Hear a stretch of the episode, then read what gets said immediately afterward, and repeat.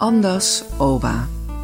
Eind juni 2007 stapte ik voor de laatste keer de Centrale Bibliotheek op Prinsengracht 587 binnen. Een paar weken voordat het pand overgedragen zou worden aan hotelketen Hyatt, om door interieurarchitect Marcel Wanders omgetoverd te worden tot het Andas Hotel. Ik weet het nog precies, want mijn dochter ging naar groep 8 en ze wilde haar eigen abonnement. Het rook er naar boeken. Nee, het rook er naar veel boeken.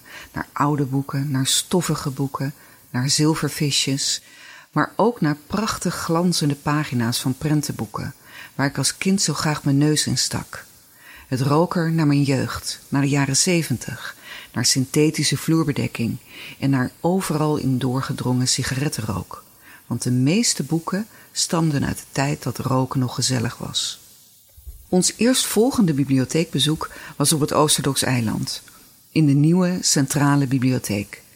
De concertvleugel in de centrale hal moest bespeeld worden. En daar ontving mijn grote kleine meisje haar eerste applaus.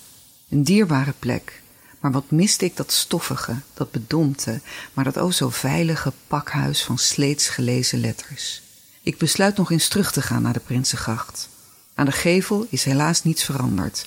Lang leven het beschermd stadsgezicht. Maar dan, zodra ik de drempel overstap, slaat een kakofonie van beelden me om de oren met onze collectieve geschiedenis.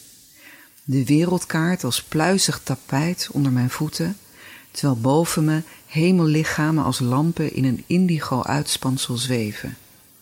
In Delfts blauw dringen Sinterklaas, Johan Cruijff, Tulpen en Michiel de Ruiter mijn gezichtsveld binnen. En als ik me omdraai, stuit ik op een immens beeldscherm. Een schitterend meisje springt traag op en neer op een sappig hotelbed in een setje dat zo weinig om het lijf heeft dat haar naakte schoonheid in volle omvang languissant rijst en daalt. Het is hypnotisch, tegelijkertijd rustgevend en balorig. Ik laat me naar een tafel brengen door een host. Nergens een receptie, nergens een bureau, laat staan een bibliothecaris. Niets herinnert nog aan de boeken van vroeger. Of het moeten de vierkante vakkenkasten zijn, die gevuld zijn met eindeloze rijen met potjes mosterd, ketchup en vast heel erg hippe andere kruidenmengsels. Mooi, dat wel. Hier gaat het tegenwoordig om de vorm en niet meer om de inhoud.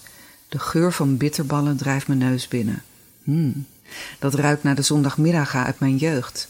Het zwart geblakerde frituurpannetje op het vuur en daarna je lippen branden aan de kalfsragout van oma. De mosterd uit het keukenkastje, waar bij ons trouwens gewoon een deurtje voor zat en waar hooguit twee potjes naast elkaar in het gelid stonden als het eerste bijna op was, had van die lekkere zaadjes die je stuk kon laten knappen tussen tong en gehemelte. Ik bestelde bitterballen. Ze zijn van oma Bob, zegt de kaart. Terwijl ik wacht, sla ik het glossy tijdschrift open dat op de leestafel ligt. Ik steek mijn neus in de krochten van het boekwerkje en snuif de geur van glanzend papier en vers drukwerk op. Sommige dingen veranderen gelukkig nooit.